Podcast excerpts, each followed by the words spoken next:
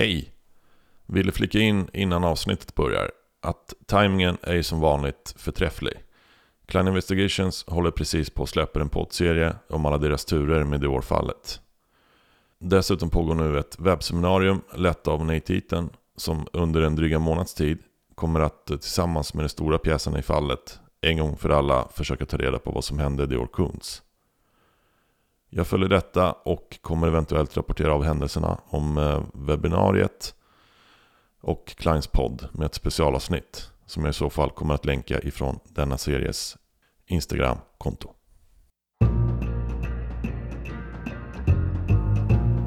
Det här är en serie om lilla fina Baby Dior med sin bruna cowboyhatt och några storlekar för stora boots. I delstaten Idaho den 10 juli 2015 är en familj på en campingrunda i bergsorten Lidor. Med på den här resan följde en liten pojke med, blott två och ett halvt år gammal. En stunds ouppmärksamhet vid campinglägret leder till att han försvinner för alltid. Den här lillpojken var fin som en ängel, som nedkommen av självaste gudarna. Men lika snabbt togs han tillbaka och huvudrollerna fyra vuxna människor. Och alla till synes utan svar till oss övriga som bara tittar på med ren förundran. Vad i hela friden hände den där lille mannen som han kallades av sina föräldrar? Mitt namn är Redo La Rosa och här kommer historien om Dior Kunz Jr.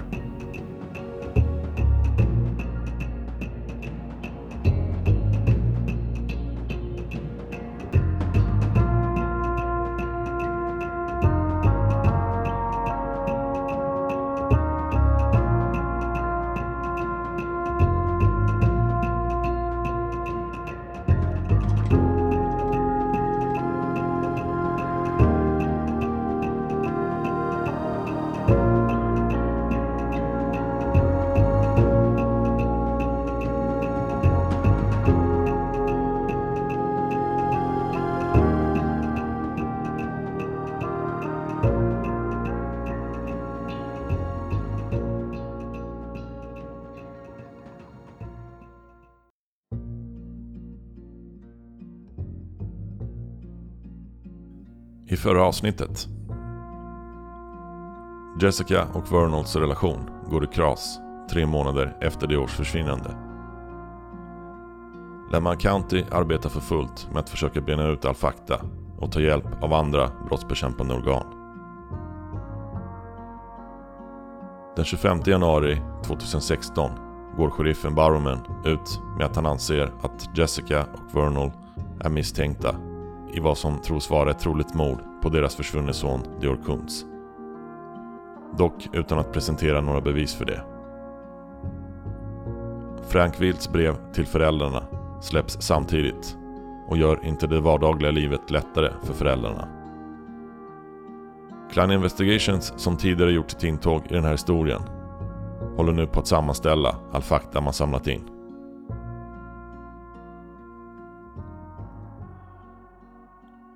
Jessica och Vernal, som nu bor på eget håll, hade egentligen undvikit rampljuset efter den där första intervjun de gav till Nate Eaton.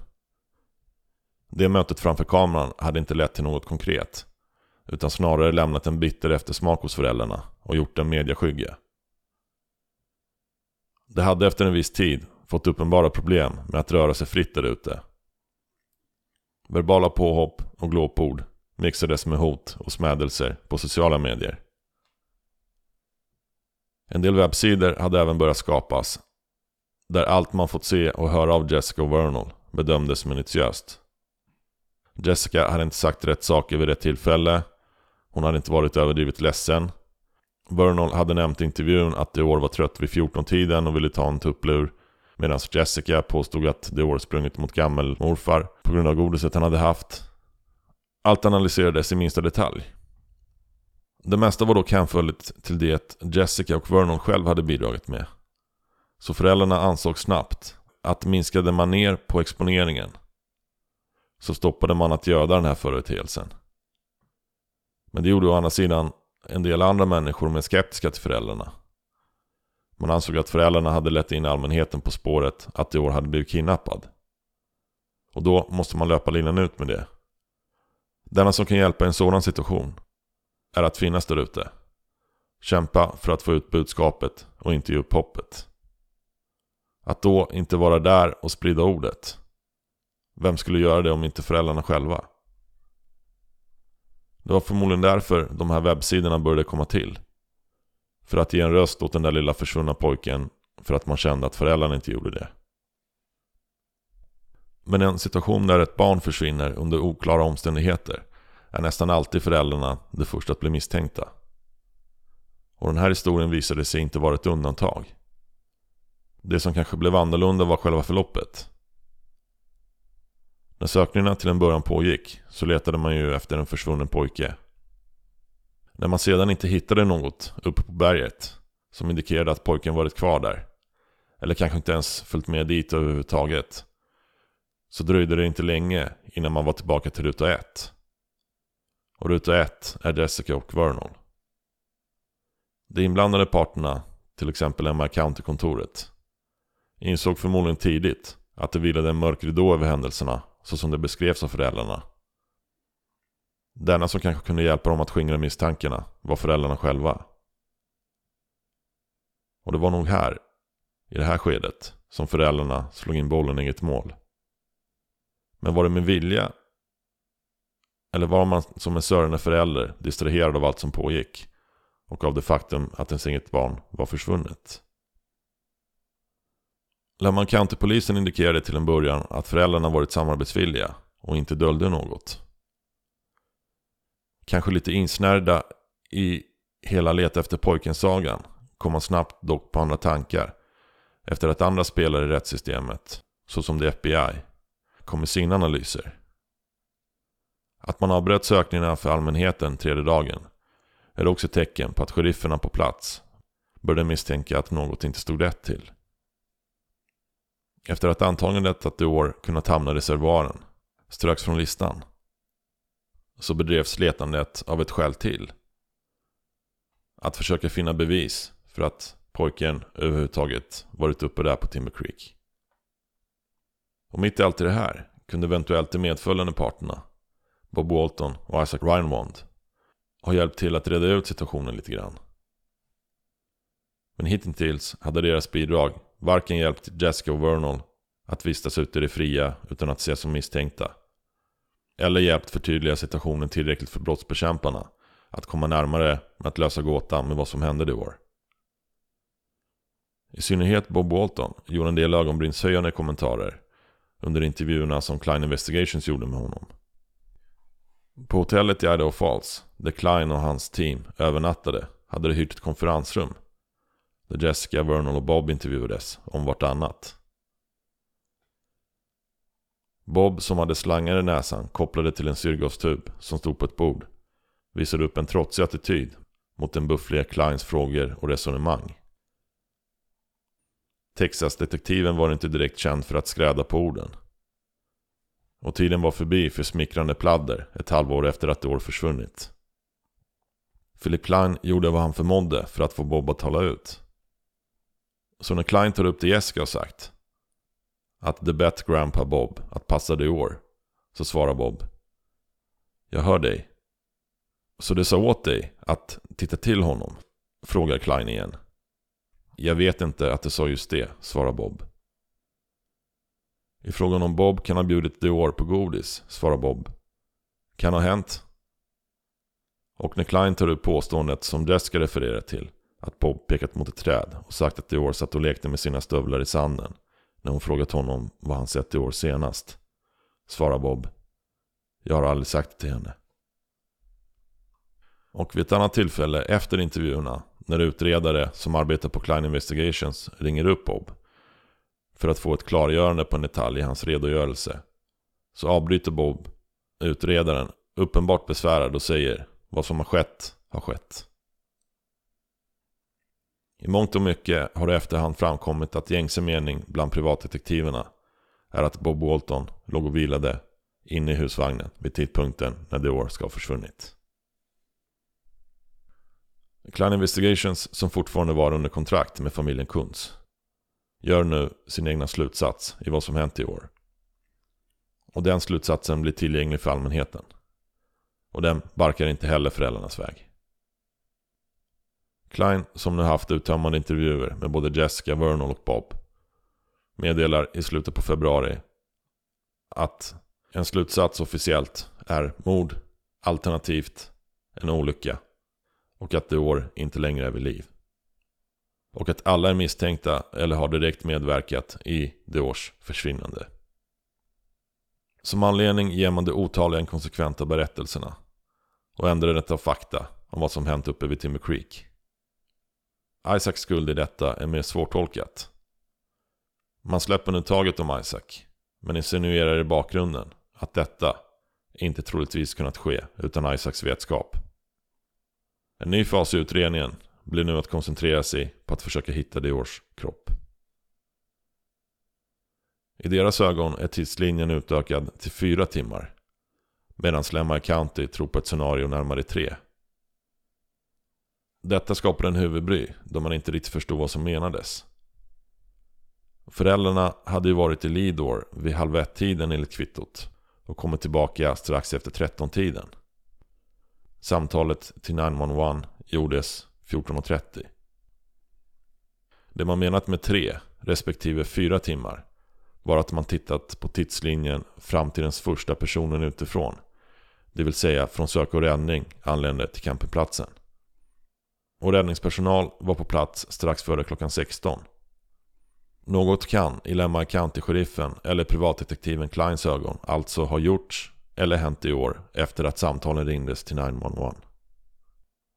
Kort efter meddelandet från Klein Investigations så ger Philip Klein en exklusiv intervju till Idaho News som ställer hela fallet på sin spets. Men innan han gör det berättar han för reporten att det han varit oerhört frustrerad över var att föräldrarnas redogörelser skilt sig åt beroende på vilken dag i veckan det varit. Han hade även ledsnat på föräldrarnas utsagor som han försökt verifiera.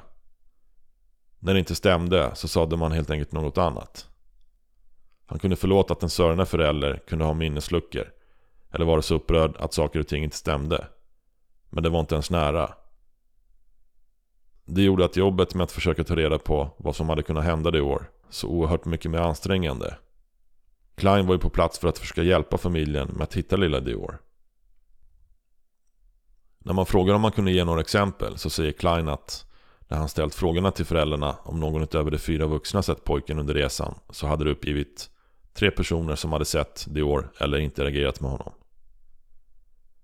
Biträdet i lanthandeln som Jessica påstod smålog när Dior sprang runt bland gångerna. När biträdet tillfrågas om det yttrar hon sig med att hon inte sett någon liten pojke. Hon kommer inte ens ihåg Jessica. Då påstår Vernon istället att han är Budweiser-killen som hade varit på genomfart i Lidor med sin lastbil. Han hade till och med lyft in Dior i förarsätet. Klein lyckas tillsammans med Lemma County-sheriffen få tag i den här föraren. Som i sin tur säger att han inte sett någon liten pojke med föräldrarna. Personen som ska hjälpt Vernol att ordna med diesel till Blazern hade sett pojken i baksätet enligt Vernol.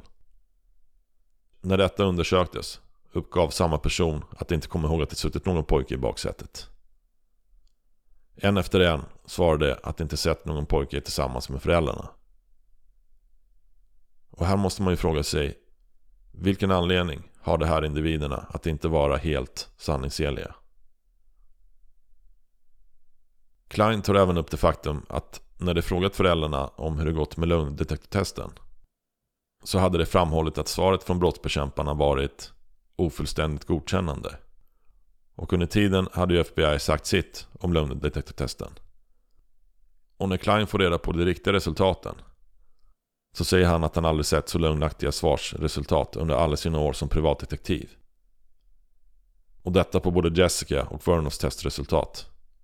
Och detta på frågan i testet. Vet du vad som hänt i år? Eller vet du vart det i år är? Precis det Bowerman vidhållit tidigare. När personal till Klein tar upp det faktum med Vernon om varför de inte berättat sanningen om resultaten på lögndetektortesterna så utbrister han. Det har inte sagt något annat till mig än att det var en inconclusive pass. Kleins personal säger då Till oss har det sagt att ni failade nästan helt. Välkommen till Idaho, sweetheart. Detta är uppenbarligen så det funkar här. Och när intervjun med Philip Klein börjar närma sig slutet så släpper han bomben. Jessica har sagt till oss att hon vet vad det årskropp är. Dagen efter får Klein Investigation sparken och familjen anlitar en advokat som råder sina klienter att stämma Klein. Kleins svar på det här blir att berätta att det finns parter som kommer att bekosta hans fortsatta engagemang i detta fall. Och han kommer inte att ge sig. Tiden efter att sheriffen Barman delgivit Vernal och Jessica som misstänkta så väljs en ny sheriff in i Lemma County. Steve Penner. Han hade tidigare varit vice sheriff under Bauman och hade själv gett svett, blod och tårar i sökandet efter Dior. I en intervju 2019 vägrar nya sheriffen Steve Penner uttala sig om föräldrarnas skuld på samma sätt som Barman gjort. Och han säger att han ser samtliga fyra vuxna som personer av intresse då samtliga var närvarande när pojken försvann. Och att det bör förbli så tills något annat kommer upp till ytan. Men ombord på den här resan ansluter även 2019 en ny privatdetektiv. David Marshburn sållar sig till skaran av fåtalet människor förutom advokaten. Som offentligt bedyrat föräldrarnas oskuld i denna historia. Och samma år uppe vid campingplatsen får han sökhundar träff på något som skulle kunna vara mänskliga benrester.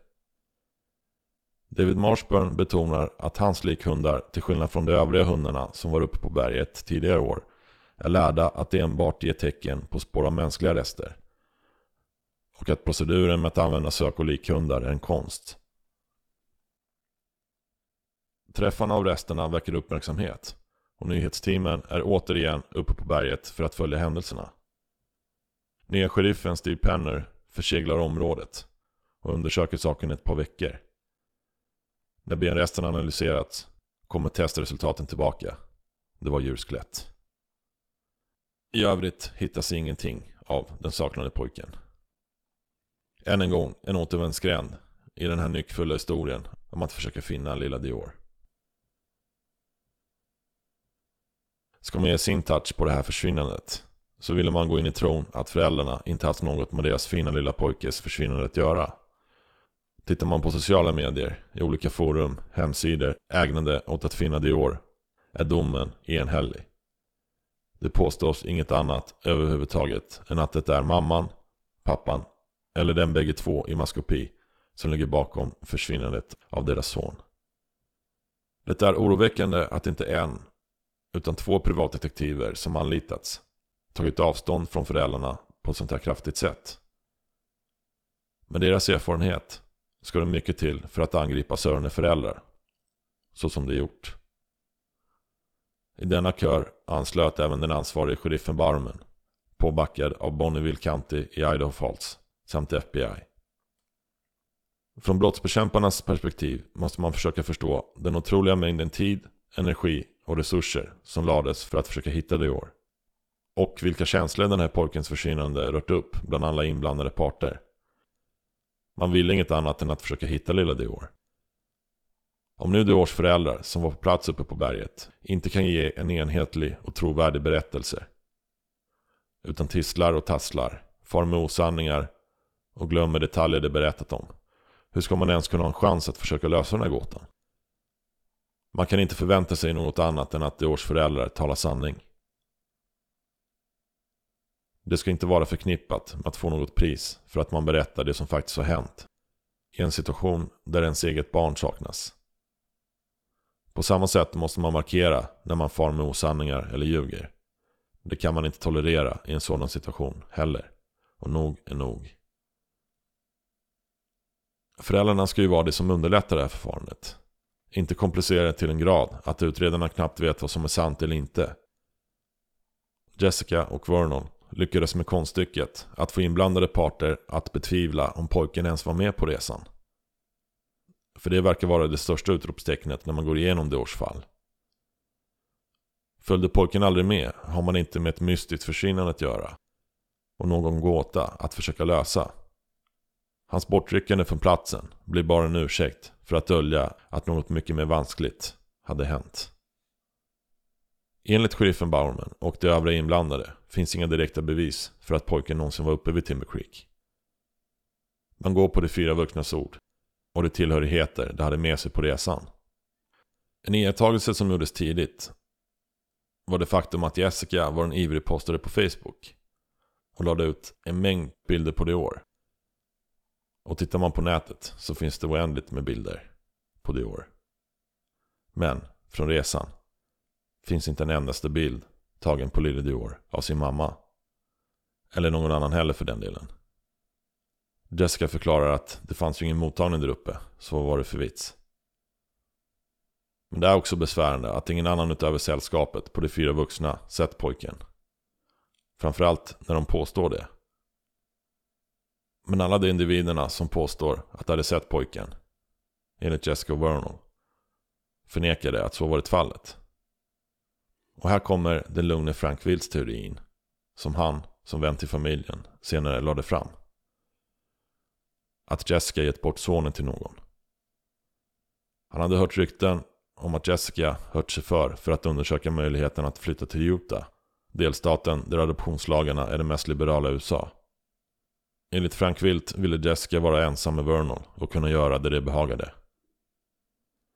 Så ge upp det år för att få händerna fria för att man ville göra någonting annat än att vara småbarnsförälder. Jessica hade i och för sig redan gett upp vårdnaden om sina två första barn.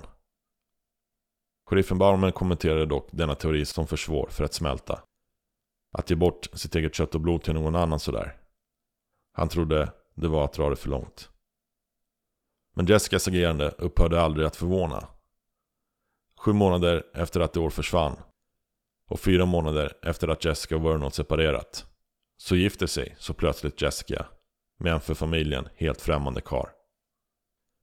Hon hade hittat kärleken på nytt. Sådana saker går inte att styra över, menade hon. Det hände. Hon var i en situation där hon behövde stöd och hon gjorde det bara. Och vem kan ifrågasätta en Sörnes mamma rätt till ny kärlek? Men tajmingen. Uppenbarligen så gick det inte väl hem. För att inte ens hennes egen mamma Trina var med på bröllopet. Hon tyckte det kändes konstigt att fira ett nytt bröllop under rådande situation där ens eget barnbarn försvunnit.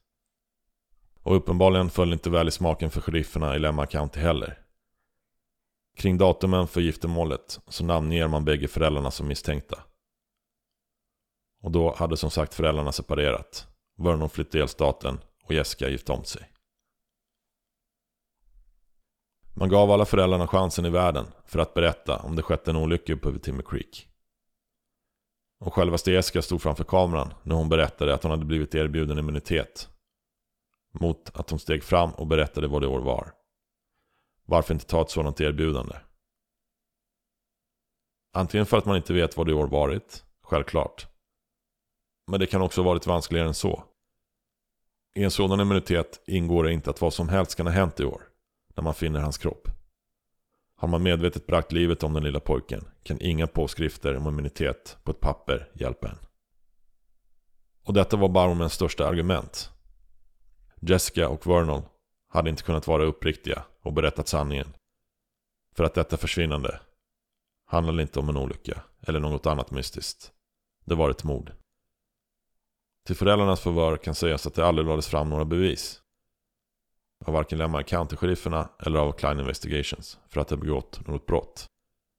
Och Philip Kleins bombastiska uttalanden och undersökningar ledde aldrig till något riktigt konkret. I stundens hetta verkade Klein lite förtagen av Jessica och Vernon som karaktärer. Och vände hans resurser och maskineri till att bli mer en propagandamaskin mot dem än en nedtonad och effektiv apparat för att finna lille Dior. Framförallt efter stämningen såg han eventuellt för mycket rött i bilden. Diors pappa Vernal avfärdade hela spektaklet framför kameran med att det var när pengarna tog slut som Klein vände sig mot dem. Vernon sa det också. Med det jag vet om honom nu så hade jag inte ens anlitat Philip Klein för att hitta min bortsprungne hund. Vernons advokat framträdde offentligt och smädade Kleins roll i hela historien. Hur kan en privatdetektiv som man anlitat vända ryggen mot ens uppdragsgivare med den här typen av anklagelser. Utan att lägga fram några bevis. Vi syns i rätten, var hans budskap. Vänder man tillbaka blicken mot farfar Bob Walton så hade han i ett annat sammanhang inte spelat någon större roll i det skicket han var i. Syret han behövde dygnet runt för att överleva och hans sjukdom gjorde honom virrig, okoncentrerad, inte riktigt klar i huvudet. Han brukade även slumra till i tid och otid. Det var därför han hade bett Isaac och Jessica följa med den här dagen. Det var också därför Jessica och Vernon begick ett stort misstag att lämna Duor under hans översyn. Om man nu tror på deras utsaga det vill säga. Och när man behövde en part som kunde bekräfta eller bestrida det som hade sagts gjorde hans vittnesmål bara allt rörigare än det redan var.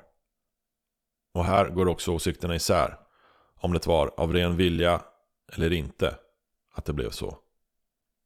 Isaac ger intrycket av att vara lite halvvimsig. Han verkar kämpa med att besvara frågor. Men ger inte intrycket av att fara med osanning när han väl säger något. Och trots alla påhopp och smädelser har Isaac stått på sig att lille Dior följer med på campingresan. Och han har, till skillnad från de övriga i denna historia, aldrig velat peka finger åt någon. Och när så många gjorde det mot honom hade det varit enklast för Isaac att säga att han inte såg en liten Dior springa omkring där uppe. Isaac är den av de fyra som haft störst anledning att ljuga för att rädda sitt eget skinn. Ändå står han på sig. Förmodligen för att han har inget intresse av att beskriva något annat än det han faktiskt kommer ihåg. Detsamma kan dessvärre inte sägas om Jessica Vernon. Oavsett vad ens eget hjärta säger, när man så gärna vill tro på att föräldrarna inte haft något med Dors försvinnande att göra, så har det hänt den här lilla pojken något. Och efter att man nästan letat ihjäl sig efter honom, konstaterat att ett rovdjur inte tog honom, som uteslöt helt att ett bortrövande varit orsaken till hans försvinnande, så har man inte så mycket mer att luta sig över än att det var Vernon och Jessica som låg bakom. Men om det nu hänt pojken något där uppe i bergen så är en olycka som nyligen hände i staden Barrington i Illinois kanske visande för vad som hade kunnat inträffa. En 18 månader gammal pojke backades över av sin pappa som inte sett barnet bakom bilen. Pappan hade satt sig i bilen för att backa för att kunna vända bilen och köra iväg. När han hoppade in i bilen var pojken fortfarande långt borta. Under tiden han startar springer barnet in bakom och pappan ser inte honom. I vänt läge råkar den stackars pojken hamna under pickupens främre däck. En ambulans larmades men skadorna var för allvarliga och pojken avlider. Polisen som senare undersöker olyckan berättar att det utgår att detta rör sig om en tragedi. Och man misstänker inte pappan för något brott. Philip Klein har nämnt att han varit med och funnit spår av kroppsvätskor samt blod på fälgen på familjens blazer. Dessa kan vara det bevis sheriffen bekräftat hade lämnats över till FBI i ett skede.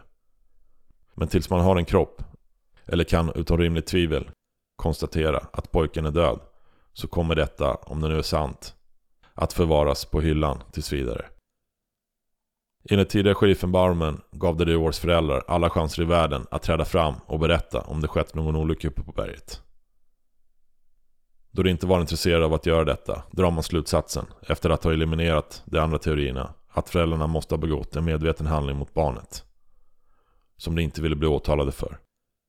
Och att detta bara kan vara ett mord. Duor Kunz Jr försvann fredagen den 10 juli 2015. Vad som hände den dagen när pojken försvann är en enda stor röra av olika utsagor, händelser, intryck och berättelser. Till den grad att Philip Klein och Lynn Bowerman är skeptiska till om pojken överhuvudtaget följt med på resan. Möjligtvis hände det det år något, antingen efter att de vaknat upp eller under tiden de varit i Lidor. Sen manipulerade man både den udde Isaac och den slumrige Bob att tro att det år varit kvar där. Tills han plötsligt inte var det längre. Och då skulle man hastigt och tvärt leta efter honom. I värsta fall kan ha hänt pojken något innan resan och alla fyra är med på att dölja det inträffade. Ett rovdjursscenario låter inte så ohyggligt främmande. Om man betänker att ett djur hade kunnat släppa iväg pojken längre bort än vad sökzonen har varit. Det stora problemet där är att stövlarna som Dora haft på sig hade åkt av hans fötter. I ett inslag med en anhörig till Dior beskrev hon att stövlarna han haft på sig gled av hans fötter direkt när det satte honom i bilbarnstolen till exempel. Trina Clegg, dotter till Bob Walton och mamma till Jessica, säger att hon inte skulle ha tvekat ett ögonblick att anmäla dottern om hon trott att hon låg bakom Diors försvinnande. Bob Walton gick bort 2019 och en privatutredare i Bonneville County var och besökte Bob vid hans dödsbädd för att se om Bob ville öppna upp sig för vad som verkligen hände det år. Det gjorde han inte. Men vad som hänt i år på riktigt har vi inte fått veta än. Och i värsta fall kanske aldrig kommer att få göra.